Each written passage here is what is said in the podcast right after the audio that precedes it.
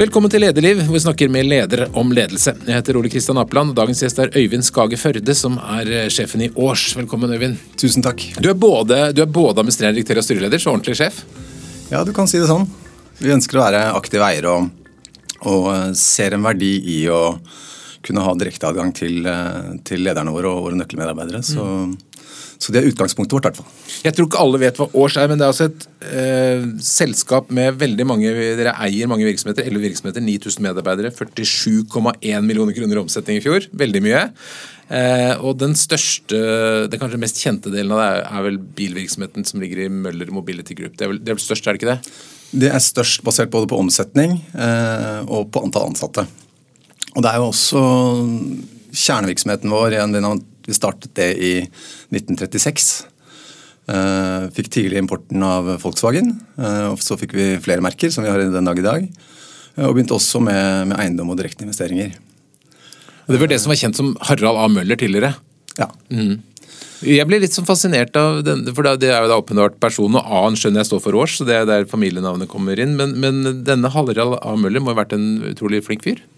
Ja, vi er veldig glad for alt det han la ned i, i familieselskapet. Uh, og vi er veldig bevisst på at det han også la ned, i tillegg til å etablere en, en, en sunn og god forretning, og var også et, et viktig verdigrunnlag som, som, vi holder på den dag i dag. Mm. Men La oss dvele litt med historien. Hvordan, hvordan startet bileventyret? Han etablerte Strømmen Auto i, i 1936. Uh, og Da importerte de Dodge og DeSoto, som var to amerikanske merker. Men uh, i 1948, gjennom en ganske krevende krigstid, hvor han overlevde ved å selge Vegas-generatorer, mm. så, så, fikk han importen på, på Volkswagen. og Vi hadde 75-årsjubileum for Volkswagen Norge nå i forrige uke. Og da, eh, når vi går pirker litt i dette her, så viser det seg at uh, mye av grunnen til at vi faktisk fikk, eller han da, fikk, uh, fikk importen, var at han allerede da hadde en, uh, en god distribusjon av, av, biler gjennom det nettverket han hadde etablert. Og etter det så er det ganske mange biler? etter det så er det vel blitt halvannen million biler nå. Ja. Så, så, det har blitt store, store volumer. Men hvordan er bilbransjen akkurat nå, i tøffe tider? Nei, Akkurat nå så er det jo krevende. Én eh, ting er at vi har uh, vi si, megatrendene foran oss som vi ikke rår over. og Da kan det være alt fra drivlinjer, som i og for seg er godt inni, med skifte fra det fossile til det elektriske. Uh, du har hele spacet rundt autonome kjøretøy. Når er det det kommer? så har man jo hele forretningsmodellen. når kommer de store innslagene av salg på internett? Eh, kontra den tradisjonelle eh, formen å drive salg på. Og så er det også det som er en oppseiling nå, nemlig en agentmodell. Hva betyr det? Det betyr at eh, man fra importørens side priser bilene og bruker forhandlerne som en formidler av salget. Spennende. Men er dere fortsatt blant de største? Det er vel, Golf har liksom vært nummer én-bil i mange år, men nå har det endret seg litt med, med elektrisk og sånn. Hvordan ligger det an nå? Nei, Nå er vi jo på Volkswagen, i hvert fall, som mm. har vært volummerket vårt. Uh, har vi en klar ambisjon om å, å selge fullelektrisk fra 2024. Så det ligger for seg ett år foran myndighetens uh, mål. Så gøy. Uh, det er kjempegøy. Og vi har jo vært opptatt av å uh, erkjenne at vi har vært en del av problemet med tanke på alt det utslippet som fossile biler har sluppet ut gjennom årene, til nå å kunne være en, en veldig viktig del av løsningen. Og Vi ser også at det får god respons fra fra omgivelsene våre ved at f.eks. Møller Mobility Group, som i utgangspunktet ikke var tenkt på som noen veldig bærekraftig eh, virksomhet, nå har fått eh, bærekraftsprisen to år på rad av, av PwC f.eks. Og dere har flere merker enn Volkswagen? Ja da. Vi har Audi, og vi har eh, Skoda, vi har Seat og Cupra, altså nyttekjøretøy. Så det er en ganske stor bredde i det. Og vi er representert da, i tillegg til å være i Norge, eh, også med forhandlere i Sverige og i tillegg av Porsche og, og i Baltikum. Men Merker dere nå at folk har fått litt dårligere og holder litt mer tilbake? Ja, Vi ser jo klare utslag av det på, på kontraktsinngangen vår. Så, så, vi merker et veldig stort skift. Og vi ser også et stort skift etter eh, det vi husker godt, som var eh, fredag den 13. januar, hvor Tesla skrudde ned prisene sine med over 20% mm. Hva skjedde da? Det er litt vanskelig å si akkurat hva som var uh, direkte konsekvensene, for man hadde et ganske stort uh, store volumer som ble registrert før årsskiftet pga. Uh, avgiftsendringene. Så presisjonsnivået på dette, på dette, er ikke så lett å gi, men heller et godt et. Men, uh, men, vi ser helt klart at, uh, at de har merket det på våre uh, mm. kontraktsinnganger etter at den reduksjonen kom. Men du, dette er, altså, Års er det et familieselskap med, med, slektskap til denne fantastiske gründeren. Hvordan, hvordan er slektskap? Det er litt komplisert, det er tredje og fjerde generasjon. Kan du, kan du gi en sånn grovt bilde av eierkonstellasjonen? Ja, vi er uh, i alt 16 eiere. Uh, den spenner seg over to generasjoner. Altså andre, tredje og fjerde. Uh, det er fire eiere i, i tredje generasjon, én i annen, og så er vi ti i, i fjerde, hvor jeg da er eldst. Ja. Og det vil si at denne gründeren da var din Oldefar. Din oldefar. Husker du han? Møtte du han? Ja, jeg møtte han. Hvordan var han?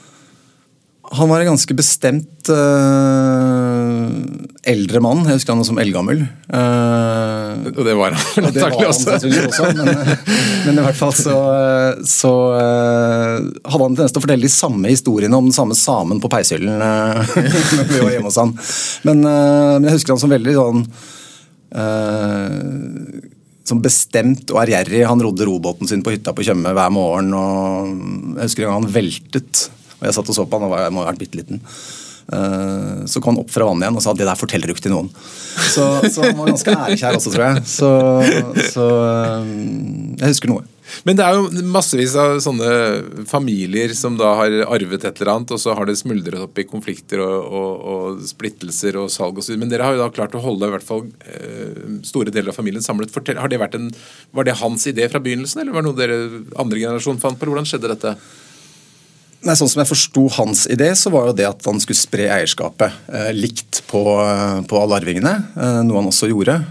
Vi har en litt sånn tvist i vår eierkonstellasjon nå, fordi uh, Møller-gruppen ble delt i 2003 med faren min og hans uh, to brødre og Harald Morten og Katrine Møller. Uh, som tok med seg bilvirksomheten og bileiendom, og så tok vi da med oss eiendomsvirksomheten, som var da ganske stor, gjennom sektorgruppen, som det het, som var, var 30 kjøpesentre og en del annen næringseiendom.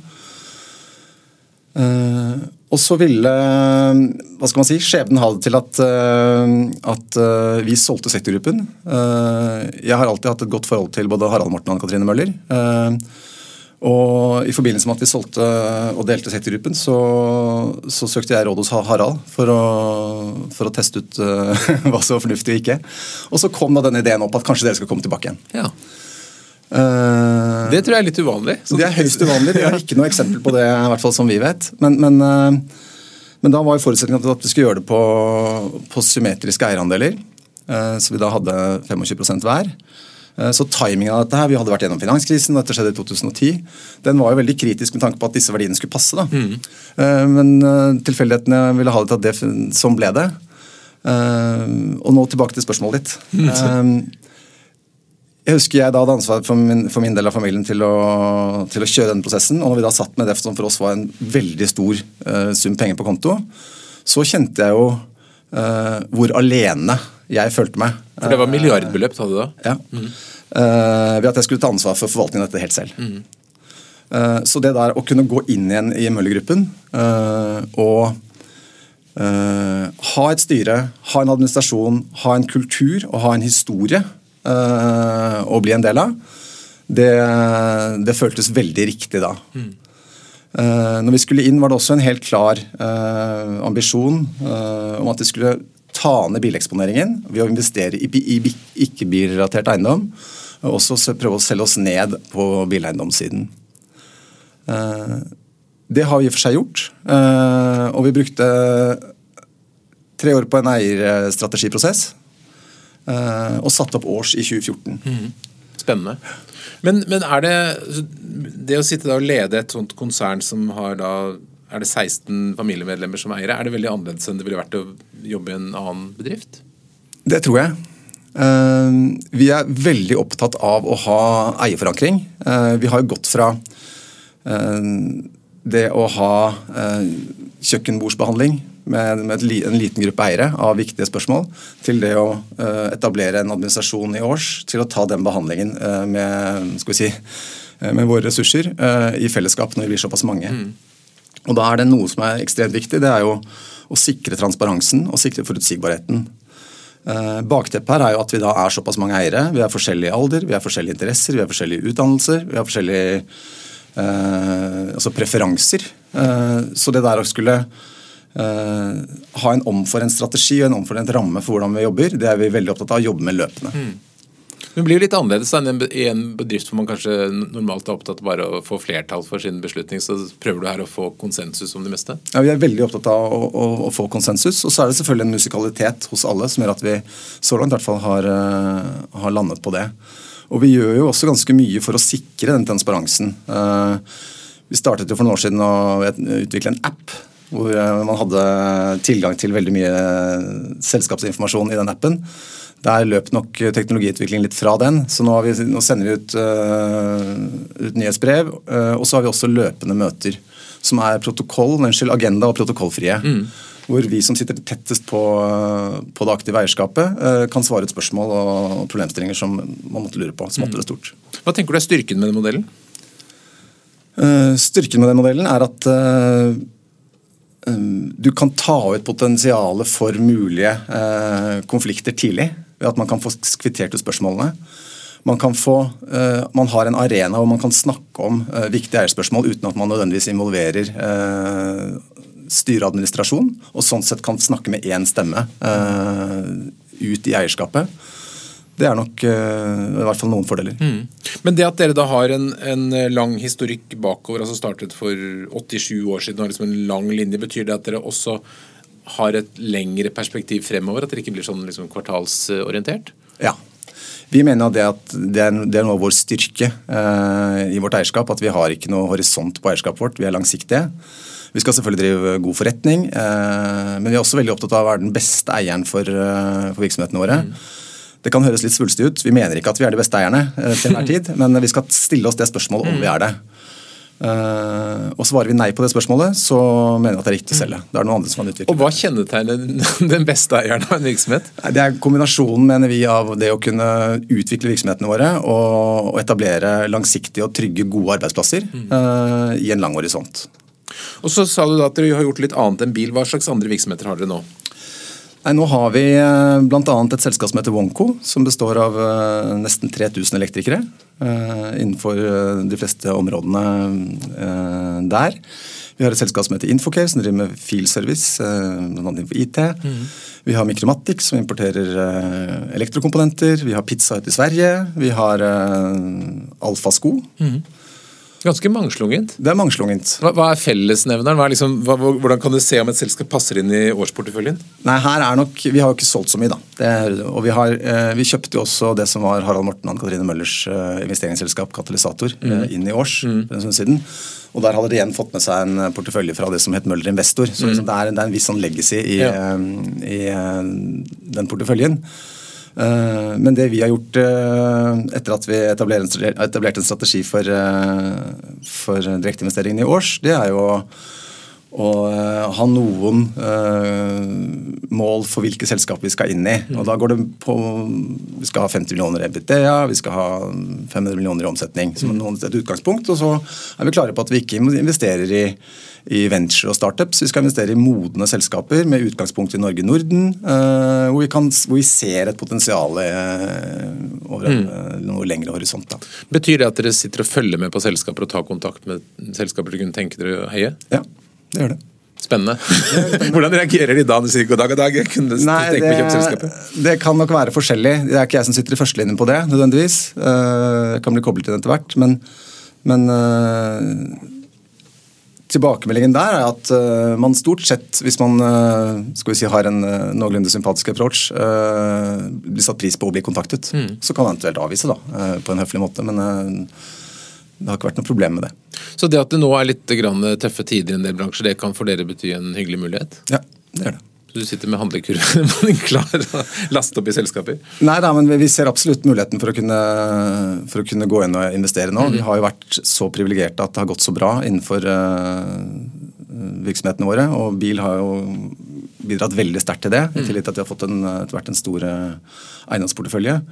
Så, så, det er et privilegium å kunne si at vi har, uh, vi har et utgangspunkt vi faktisk også kan gå inn og investere, og ikke bare drive med krisehåndtering. Og så sa du at du, altså det skal være etablert selskap, du skal ha 500 millioner i omsetning. Men er det, er det noen spesielle bransjer dere ser etter? Det, kan du røpe det? Nei, der er vi ganske pragmatiske. Mm. Der er det viktigere å se på virksomheten og, hvordan, hvordan den er drevet og satt opp. Og Det, det bringer oss jo litt til, til tema ledelse. fordi at Når du ser på et selskap, om dere er interessert i å kjøpe det, eller et selskap dere leder og skal styre, hvor mye betyr ledelsen i selskapet? Det betyr veldig mye. Uh, vi er helt klare på at det er medarbeiderne våre som er de største bidragsyterne til å skape de verdiene vi har. Mm. Eh, men det går, én ting er jo det økonomiske og finansielle. Eh, en annen ting er jo den kulturen de skal, eh, de skal utvikle, og, det verdigrunnlaget de skal ha. Mm.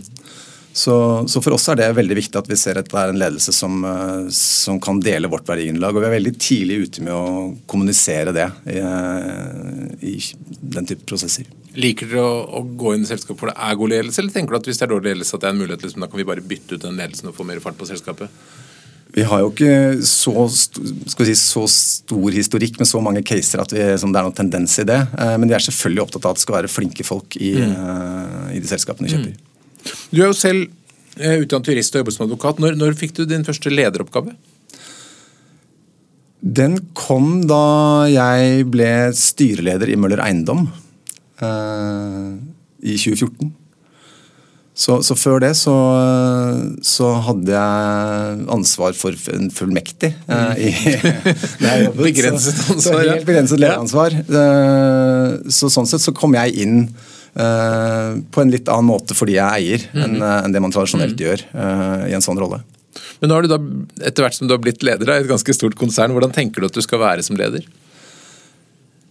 Jeg er veldig opptatt av å uh, gi tillit, ansvar. Uh, uh, og ha en, en, åpenhet i, dialogen og oppfølgingen av, av, de jeg jobber sammen med, som i størst mulig grad kan, kan etablere en trygghet for de kollegaene vi har, til å ja, så enkelt som å prestere best mulig. Mm. og Det går i og for seg både på på, igjen på selve forretningen, men også på å være bærer av kultur og verdier vi har. Mm. Vi må snakke mer om kultur og verdier, for det er et svært tema hos dere. Men jeg har bare lyst til å svinge innom noe i, i, i forhistorien din. For du, etter at du var advokat, så jobbet du også med å rydde opp i et ganske kaotisk bo. Fortell litt om det.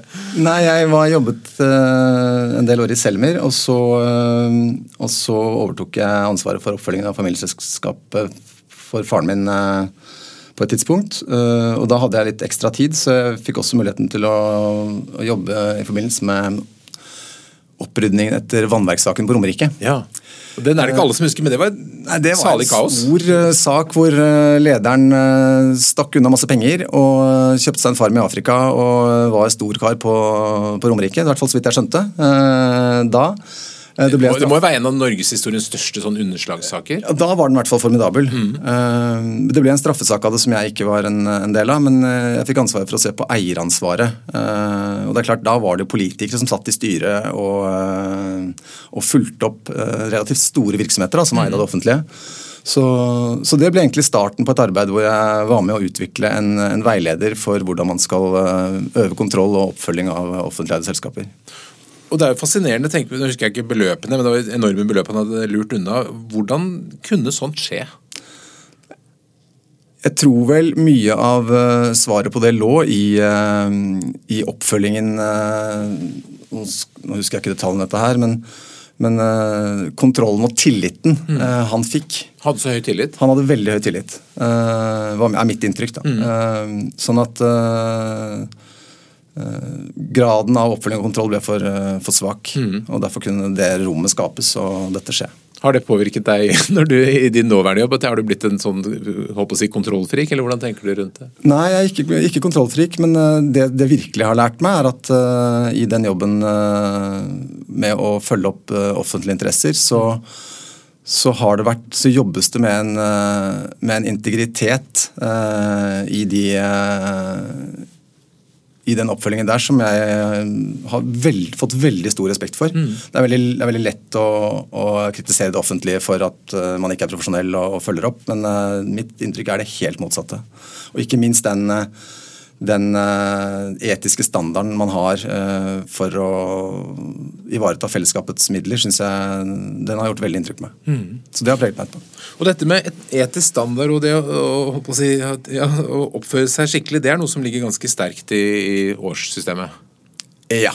Vi har jo som et av, vi har ikke en sånn tavle med, med, med ord som er Det er ikke sånn som Reitan som var hugget i stein? det har ja, du ikke? Ikke sånn som der oppe, men, men uh, vi har uh, bl.a. to setninger. En fra, fra grunnleggeren som som kom etter at han som 16-åring ble forsøkt bestukket i, i havnen på Vadsø. Han var, hadde ansvar for å, for å frakte varer eh, av og på land. Eh, og avslo det. Eh, og Da ble han spurt etterpå hvorfor gjorde du det. Eh, og Da kom han med et sitat om at man skal holde sin sti ren. Mm. Som i og for seg ligger veldig dypt forankret i, i det verdigrunnlaget vi har. Uh, og så kan man selvfølgelig si at uh, det kan høres veldig pretensiøst ut, og, og, og, det er det i og for seg. Uh, da, det er ikke det at jeg nødvendigvis har min sti ren, men det å ha det som en ha det som en, eh, en ledestjerne og, jobbe etter, det er noe jeg er veldig opptatt av. Mm. Og det betyr mye for oss. Og så var det en av deres eh, en ansatte som skrev på linken forleden etter en samling også om dette med at dere, dere, dere vil heller tape penger enn å tape tillit. Det er et ganske fint sitat. Ja, Det er, også et, det, er det andre, da. Mm. Uh, som, som, Jan Møller introduserte i sin tid. spør du han, vil han si at det kom fra Robert Bosch. Mm. men for oss var det Jan som introduserte det. og det er også noe som, er, som står veldig sterkt hos oss. Mm. Og Det betyr jo at dere ser verdien da, av å opprettholde sterkt tillitsforhold i alle mulige retninger. Ja. Mm. Og, og, som for egen del så må jeg si at øh, den betydningen av å ha et sett grunnverdier øh, å jobbe i, først har kommet øh, virkelig frem og blitt satt på spissen når du går inn i kritiske situasjoner. Mm. Så, så, det da å kunne gå tilbake igjen og bruke det som en skal vi si, som et utgangspunkt for å sette retning, det har vært veldig nyttig for meg. Hvordan jobber dere for å få disse verdiene til å sildre ut i hele konsernet?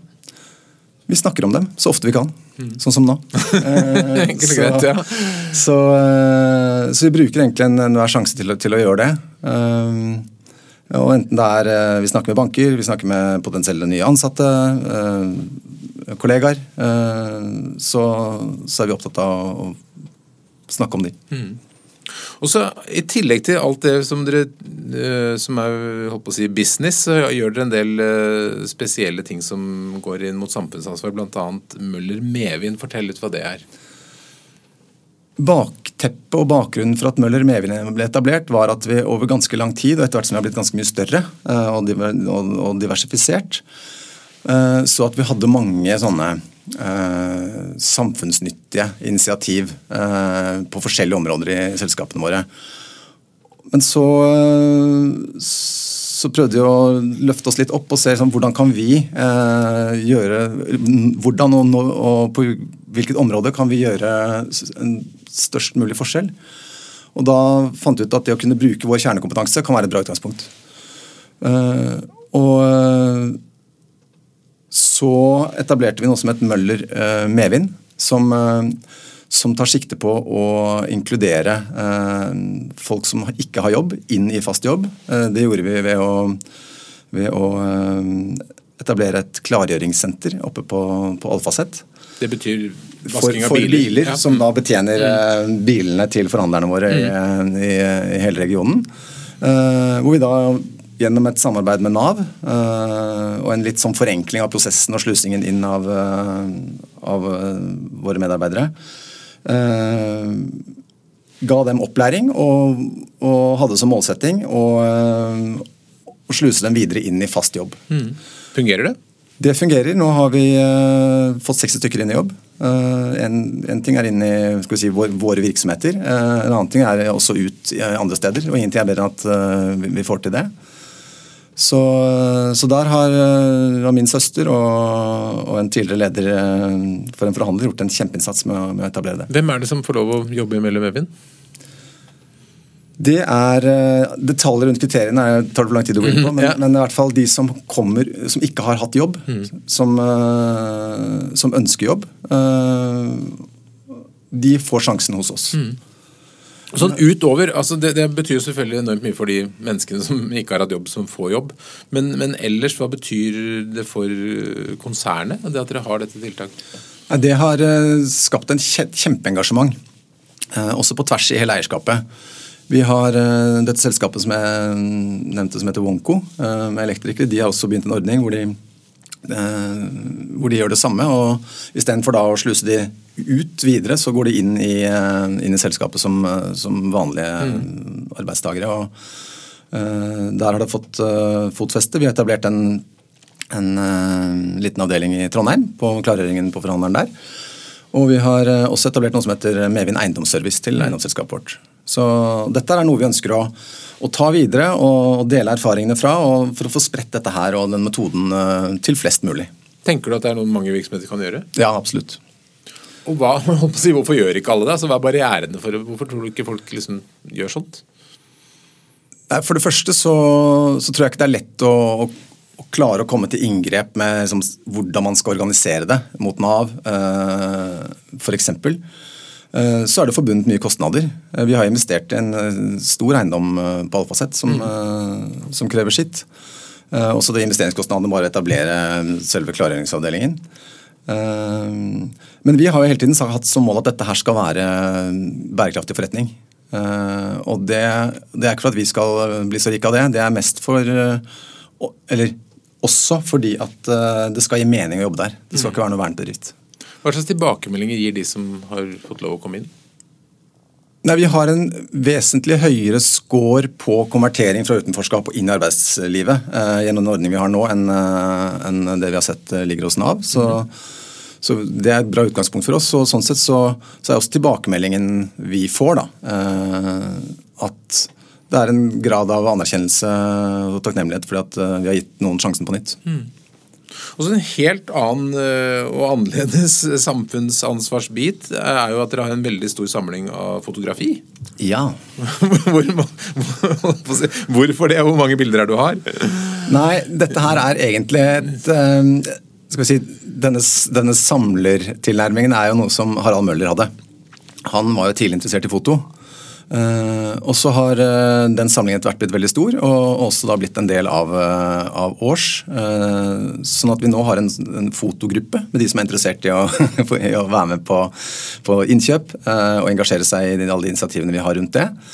Når du sier veldig stor, mange bilder har dere? Det er drøyt 1000 bilder. Mm. Så har vi også ansatt en kurator som har tett oppfølging med, med, samlingen, og ikke minst alt det arbeidet vi gjør innenfor foto. Vi skal jo Uh, bidratt til å arrangere Oslo Negativ, som er et arrangement vi har hatt på Deichman, uh, gamle Deichman uh, i to år, men som fordi at de nå restaurerer dette bygget, skal ha på Veterinærhøgskolen. Og det, det, begynner nå i, i oktober. Mm. Hvordan, hvordan, si, passer, hvordan, passer, fotosamling liksom inn i det dere driver med ellers, føler du? Det er ikke nødvendigvis gitt at det passer så godt inn. Det naturlige er å starte med å si at det passer veldig godt inn i, eh, i eiendom. Mm. Uh, for det å kunne vise frem uh, så mye fin foto er, betyr en stor forskjell for leietakerne våre. Mm. men for oss betyr det også noe at det er noe mer i eierskapet enn det rent finansielle. Vi har medvind, vi har, vi har foto, mm. som, som, man kan engasjere seg i både som ansatt, enten man er i styre eller, eller eier. Eh, så, der har det absolutt en verdi. Og så har det en verdi fordi at det er veldig mye kule bilder mm. som man kan snakke om når uh, man møter uh, folk som ser det for første gang og kan diskutere hva det er. Er det norsk eller hele verden, eller? Det er hele verden. Mm. Over hele historien. Så gøy. Det er en sånn, hva si for noe? Det er en kompromiss, kompromissløs bredde. Strategien er at det ikke er noen strategi eh, i sammenligning. Så derfor har vi veldig mye forskjellig. Alt som ser kult ut. ja. Men også var du innom en, en, et, et, tredje tema her, og det er um, gamle Deichman bibliotek. Hva, for det kjøpte dere. Ja. Hva, hva, hvorfor det? Det var et, eh, et ønske om å kunne bruke det til foto. Eh, det var et ønske om å kunne åpne det for byen. Eh, vi syns jo bygget er eh, utrolig mm. kult, rett og slett. Eh, og la det være utgangspunktet for, for utviklingen av hele eiendommen. Så, så, det var jo sånn sett ganske bold under pandemien og, og det hele. Men det interessante er at det er jo lite vi har gjort som har fått så mye oppmerksomhet mm. som at vi kjøpte det bygget. Og Det var også interessant å se hvordan det skapte en form for stolthet hos uh, ansatte i søsterselskaper til eiendom også, ikke bare eiendom. Så, så, vi er opptatt av å tenke helhet i års og, ha en eller annen form for overbygning i eierskapet, som, uh, som, vi så at dette var et veldig godt positivt eksempel. Men jeg regner med at det var en såpass stor beslutning at det måtte diskuteres med, med alle eierne. Hvordan, hvordan var, liksom, var, det en enkel beslutning å få 16 eiere med til å si at ja, det kjøper vi? Ja, Det var et eget eiermøte, faktisk, før vi kjøpte det, det bygget. og da var, da var, Der var ikke jeg, men da i hvert fall sagt. at, eh, at, det var en, eh, veldig, et veldig stort ønske om å få tak i det bygget. Ja, Så gøy. Og hva, hva skjer der akkurat nå? Holder de på å pusse opp? eller? Nå har, er det stengt, mm. så nå er bøkene ryddet ut, bokhyllene er ute. Øh, og man har vært i dialog med Byantikvaren, og vi jobber nå med prosjektering. Uh, og har en ambisjon om å åpne det om, uh, om noen år. Og vi, Hvordan blir det der da? Nei, Da har vi fremdeles et ønske om at det skal være et hus for foto mm. som vi skal åpne opp for byen. Det skal være mm, restauranter, det skal være konferanse- og eventmuligheter. og så kan det godt hende at det er noen overraskelser også som vi mm. kommer til å komme med. Men, uh, men, vi ønsker å gjøre det der til en, til en storstue for byen. Det ligger jo veldig fint til. Ganske sentralt og rett ved siden av regjeringskvartalet. Ja. Det er veldig mye av det som, uh, som, gjør at vi ser et stort potensial i det. Mm. Spennende. Så det er kjempespennende. Og det må være gøy å jobbe med noe som er litt sånn ja, litt annerledes enn nybygg, for å si det sånn. Absolutt. Men det, jeg har skjønt at det er ikke helt rimelig nødvendigvis å drive og fikse på gamle bygg. Nei, det er det ikke. Så, så en ting er jo den entusiasmen som ligger i å skulle utvikle det og konseptualisere det. En annen ting er at vi må regne dette hjem også. Mm. Uh, og det er selvfølgelig en veldig viktig del av, av hele prosjektet. Men uh, det mener vi å kunne gjøre etter hvert. Men Hvordan tenker du rundt det? Altså, du nevnte at du har 9000 medarbeidere i 11 virksomheter spredt rundt omkring. Er, tenker du det er sånn at alle sammen skal vite at de jobber i et selskap som er en del av års og kjenner til fotosamlingen og, og Deichman og sånn, eller blir det sånn for langt unna folk flest? Nei, Vi har et klart ønske om uh, en ting er at vi skal få virksomhetene våre til å samarbeide på tvers. Mm. Uh, for det kan ligge skal si, gode forretningsmuligheter i det. Wonko er jo Mølle Mobility Groups største kunde på bil, f.eks. Mm. Uh, Møller Bil er den store, største kunden til Møller Eiendom, og det er masse muligheter uh, for å ta ut den type synergier. Uh, men vi er også opptatt av den kulturelle overbygningen. Og ehm, eh, det at man kan være en del av en større helhet, tror vi har en verdi. Og vi får tilbakemelding om at det også, det også har en verdi. Eh, og en tredje dimensjon ved det er at vi for en uke siden hadde, et, eh, hadde en dag hvor vi inviterte til, til et, bærekrafts, en bærekraftsdag hvor alle virksomhetene var invitert. hvor vi er opptatt av å dele erfaringer med bærekraftsarbeidet mm. som, eh, som, gjorde at de som kanskje ikke var så modne i den, eh, i den, i den retningen, kunne ta ut effekter. Så, så der, vi ser masse muligheter i det å samarbeide på tvers mellom mm. virksomhetene, selv om vi er store og mange. Nå har vi touchet litt inn på bærekraft i flere dimensjoner. Både sånn inkludering og mangfold og, og rent holdt på å si, grønnere, grønnere kjøretøy osv. Tenker du at bærekraft i sum er en øh, forretningsmessig mulighet? Eller er det, et problem? Ja, altså Det beste eksempelet som jeg var inne på i sted, er jo uh, innfasingen av elbiler i markedene. Mm. Uh, vi var en del av problemet, nå har vi en del av løsningen. Så det, det, er det åpenbare. Vi jobber jo veldig aktivt med det også innenfor uh, for, eiendom. og både på bil og eiendom så ser vi at det å jobbe med bærekraft også kan gi oss gunstigere finansiering. Mm. For bankene er også opptatt av dette, og hele taksonomiregimet kommer jo også. Hvordan, hvordan påvirker bærekraft eiendom? Eh, vi har et ganske et klart mål om at en andel av omsetningen vår skal komme fra grønne bygg. Mm. I starten, når taksonomien eh, ble introdusert, så var det litt krevende å, å navigere i landskapet. For vi har jo en del gamle bygg hvor du kan si at klassifiseringen av uh, et nybygg er mye enklere å få i en, i en si, bærekraftig enn uh, en restaurering av et gammelt. Mm. Så sånn sett er det noen litt sånn inkonsistente uh, prinsipper der. Men, men, nå begynner det å tilpasse seg, sånn at gjennom å gjøre det åpenbare, nemlig restaurere, som er det mest mm. bærekraftige, også kan, kan oppnå ganske gode energiklasser der. Så, så vi var som sagt tidlig ute med å, å sette oss mål, uh, og det har gjort at vi faktisk uh, realitets, realitetsbehandler og forholder oss til, til det når vi, når vi, utvikler eiendommene våre. Uh, og for på bilanleggene våre nå så er det tolv anlegg som vi gjør grønnere ved å etablere solceller. Vi setter opp det som må være den mest bærekraftige og grønne forhandleren på, på Jessheim nå. Så, så, vi har absolutt uh, måttet ha et taktskifte i bærekraftig retning der etter at uh, vi bestemte oss. Så i sum så tenker du at det er positivt for businessen? Ja, tror jeg. Mm. Og det er positivt for, uh, for oss som er engasjert i, i, i selskapene også, å vite at vi drar i riktig retning. Mm. Det, det, det, eh, bærekraft er det eneste temaet som vi veldig ofte er innom på leder, som jo er helt overbyggende. Det viktigste vi kan gjøre, er å, å bedre klimaet. Et annet eh, sentralt tema er jo dette med digitalisering og teknologi og etter hvert kunstig intelligens og alt som skjer. Hvordan tenker du at det liksom, teknologisk utvikling påvirker alle virksomhetene deres? Nei, Innenfor bil er det helt åpenbart. Mm. Uh, med hele connectivity og, og alt, alt, som skjer rundt der. Eh, der er vi prisgitt vår partner, eh, som, som si, utvikler det på sin måte. Mm. Så det er egentlig noe vi må, det blir et rammevilkår vi må forholde oss til. Mm. Det er klart Innenfor eiendom, Proptech, innenfor alle virksomhetene våre så, så, merker vi innslag av det. og Måten vi har nærmet oss dette på, er egentlig å ta det opp på uh, i års. Mm. Uh, helt åpent. Og vi stiller spørsmålet hvordan skal vi forholde oss til AI. Det er ikke så rett. det er veldig vanskelig. Så, så nå, Stort nå går vi i gang med en, en, altså, Det gir både muligheter, og det mm. kan absolutt innebære en, mm. en distrupsjon. Men vi må i hvert fall være i stand til å vite hvordan vi skal møte det. Mm. Hvor Skal vi ansette ressurser? Skal vi investere i noen ressurser?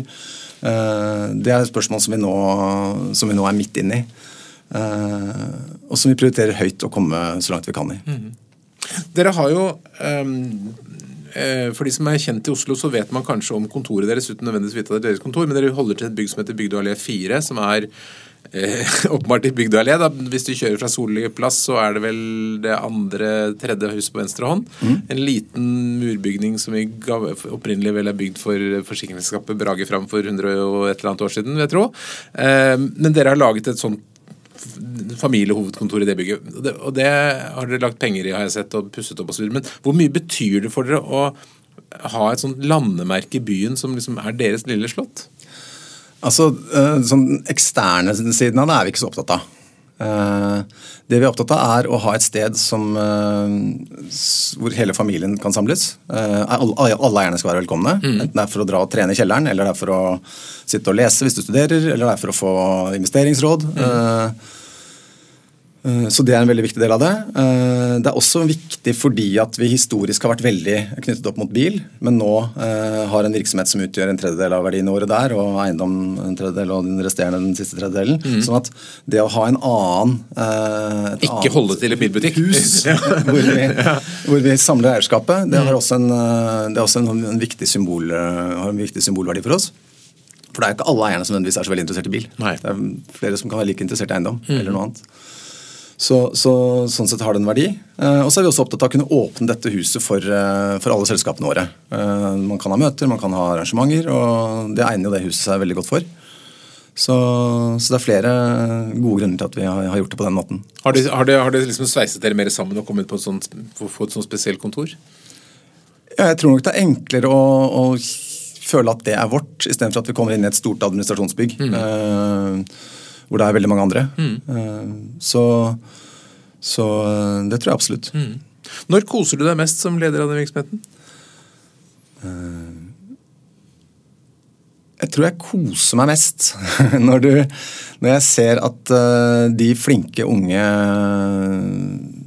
kollegaene vi ansetter, lykkes og vokser og tar ansvar og, og, utvikler seg. Det er noe av det absolutt fineste jeg kan se. Mm. Og, når, og Hva er det du som leder syns kan være vanskelig eller gruble på i lederrollen? Jeg må jo si at det landskapet vi går inn i nå, eh, med den sammensetningen av selskapet vi har, eh, og den kompleksiteten som i og for seg hvert enkelt selskap opplever, mm. Eh, summen av det opplever jeg som veldig vanskelig. Eh, vi er jo veldig opptatt av risiko og, og, og, og ha kontroll på den. Så, så, det å skulle følge opp det på en, på en ordentlig måte med det fremtidsbildet vi ser nå, stort og smått, det syns jeg er krevende. Hvordan henter du informasjon og impulser i den jobben? Der har vi bygget opp et, eh, et miljø som eh, også jobber med kapitalforvaltning, som, som jobber løpende med å, å, kartlegge akkurat hva slags risiko vi har. Vi får, En ting er jo det som skjer utenfor, fra, fra toppen. Og makrobildet og alt sammen. En annen ting er jo de, de mer konkrete risikoene vi ser innenfor hver enkelt virksomhet. Mm. Og Summen av det er noe vi syr sammen og, og bruker som skal vi si, vårt risikobilde. Mm.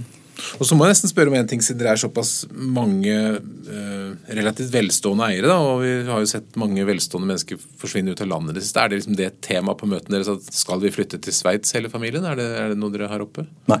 Det er ikke. Hvorfor ikke? Du spart sikkert spart masse penger på det. Nei, det er helt urealistisk å tro at det skal være altså skal dette ha noe effekt, så må alle flytte. Det mm. gjør det ikke. Uh, og så er jo det å si at vår skattevilje er jo stor, den. Uh, vi ser jo veldig godt betydningen av at, eh, at alle bidrar inn. Mm. Uh, og vi har hatt en fantastisk verdiutvikling siden starten, egentlig. Så det å gi noe tilbake er vi veldig innstilt på. Og så kan vi alltids mene noe om de konkrete politiske sakene og, og, og skatt og alt sammen. Men vi har også bestemt oss for å være Eller vi er upolitiske mm. fordi vi er så mange. så, så være veldig tydelig på det er ikke noe vi ønsker å gå, gå inn i. Når det er sagt, så kan jeg alltid mene noe om konkrete næringspolitiske spørsmål. Uh, uh, og I den sammenheng kan man godt si at presisjonsnivået på den debatten som pågår, er veldig veldig lavt. Mm. Uh, vi ser jo eller overraskende lavt. Vi ser jo et helt annet bilde av, av det våre virksomheter står overfor nå, enn det jeg opplever at våre politikere tegner. Mm. Så, så, det er selvfølgelig sånn som kan engasjere oss veldig, men, men vi er ikke uttalt på det.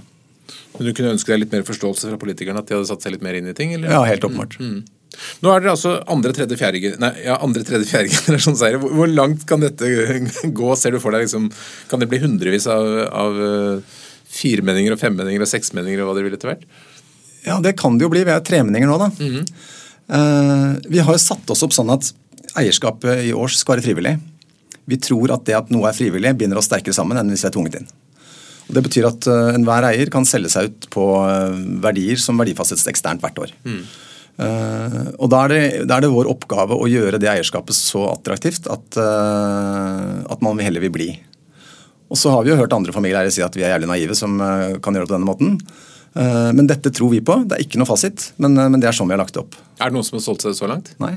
Det er jo hyggelig for deg. Det, det er absolutt hyggelig. Samtidig så, så, vil jo dette egentlig bevise uh, sin suksess den dagen noen selger seg ut. Mm. For å se om det faktisk funker. Mm. Og vi er satt opp for at det skal kunne gjøres. Jeg tror mange familier som har solgt virksomheten, eller sin bestefars virksomhet, som skulle ønske at de hadde et sånt system som det du har. Ja, det, det skjønner jeg godt. fordi Uh, altså Familieeierskap på sitt beste er den beste eierformen. Mm. Gjennom den langsiktigheten vi har og den, uh, den enigheten som ligger uh, som utgangspunkt for alt vi gjør. Men det er klart, når, de, når de ikke, man ikke er venner, så kan det bli den verste. Ja. Så vi får gjøre så godt vi kan. Det er som med ja, andre parforhold, antagelig. ja. helt til slutt, Hvis det kommer en ung person til deg og skal bli leder, hva er de tre viktigste ledere du vil gi? Jeg vet ikke om jeg har tre sånn på rappen, men jeg, jeg tror ett er eh, kan være at jeg tror ikke du nødvendigvis uh, Den beste måten å bli leder på er å si at du skal bli leder med en gang. Jeg tror det er vel så viktig å uh, Kanskje det er råd nummer to. da, Å gjøre en god jobb. og i hvert fall fra den erfaringen jeg hadde fra da jeg jobbet veldig mye som ung, så, så merket jeg at du gjennom det å jobbe mye, så får du erfaring, og på et eller annet tidspunkt så blir du flink. Mm. Eh, så det å være villig til å jobbe mye eh, Nå føler jeg meg veldig gammel når jeg sier det, men jeg, jeg, jeg, jeg, tror, jeg, tror, faktisk på det. og jeg er gammel det, det tror jeg er helt avgjørende. Og så tror jeg kanskje Et tredje råd kan være at det, det, er viktig å være tålmodig og heller gjøre den jobben du har her og nå på den aller beste mulige måten. Mm. Og så har du sittet og snakket om, pent om din oldefar, da, som fikk til noe. og så tenker jeg, hva, Hvis vi da er i de lange linjer, hva, hva vil du liksom at dine oldebarn skal si om uh, din periode som leder i års? Nei, vet du hva, det tror jeg Han, han oldefar, han Øyvind Skage Førde, han! Hva, skal, hva, vil du si om han? Det, er, det tror jeg ikke jeg skal si noe om. Jeg tror de skal få lov til å mene akkurat det de vil. Kanskje de ikke engang er eiere. Uh, kanskje de sier at han gjorde et godt forsøk, men at det var lurt at vi ikke var der lenger. Kanskje de sier at uh, så bra at uh, han gjorde det, for nå kan vi fremdeles være en del av et familieselskap. Men jeg tror det er viktig å overlate ansvaret til hva som skal skje videre, til, til de som kommer. Mm. Tidene forandrer seg, og det kan være at det er helt andre riktige ting å gjøre senere enn det jeg kan sitte her og mene om. Nå. Jeg tror i hvert fall helt sikkert vil si at det der å kjøpe Deichman, det var en smart greie. Det, ja, det får jeg håpe. Øyvind Skagefjelde, tusen takk for at du kom til Lederliv. Takk for at jeg fikk komme.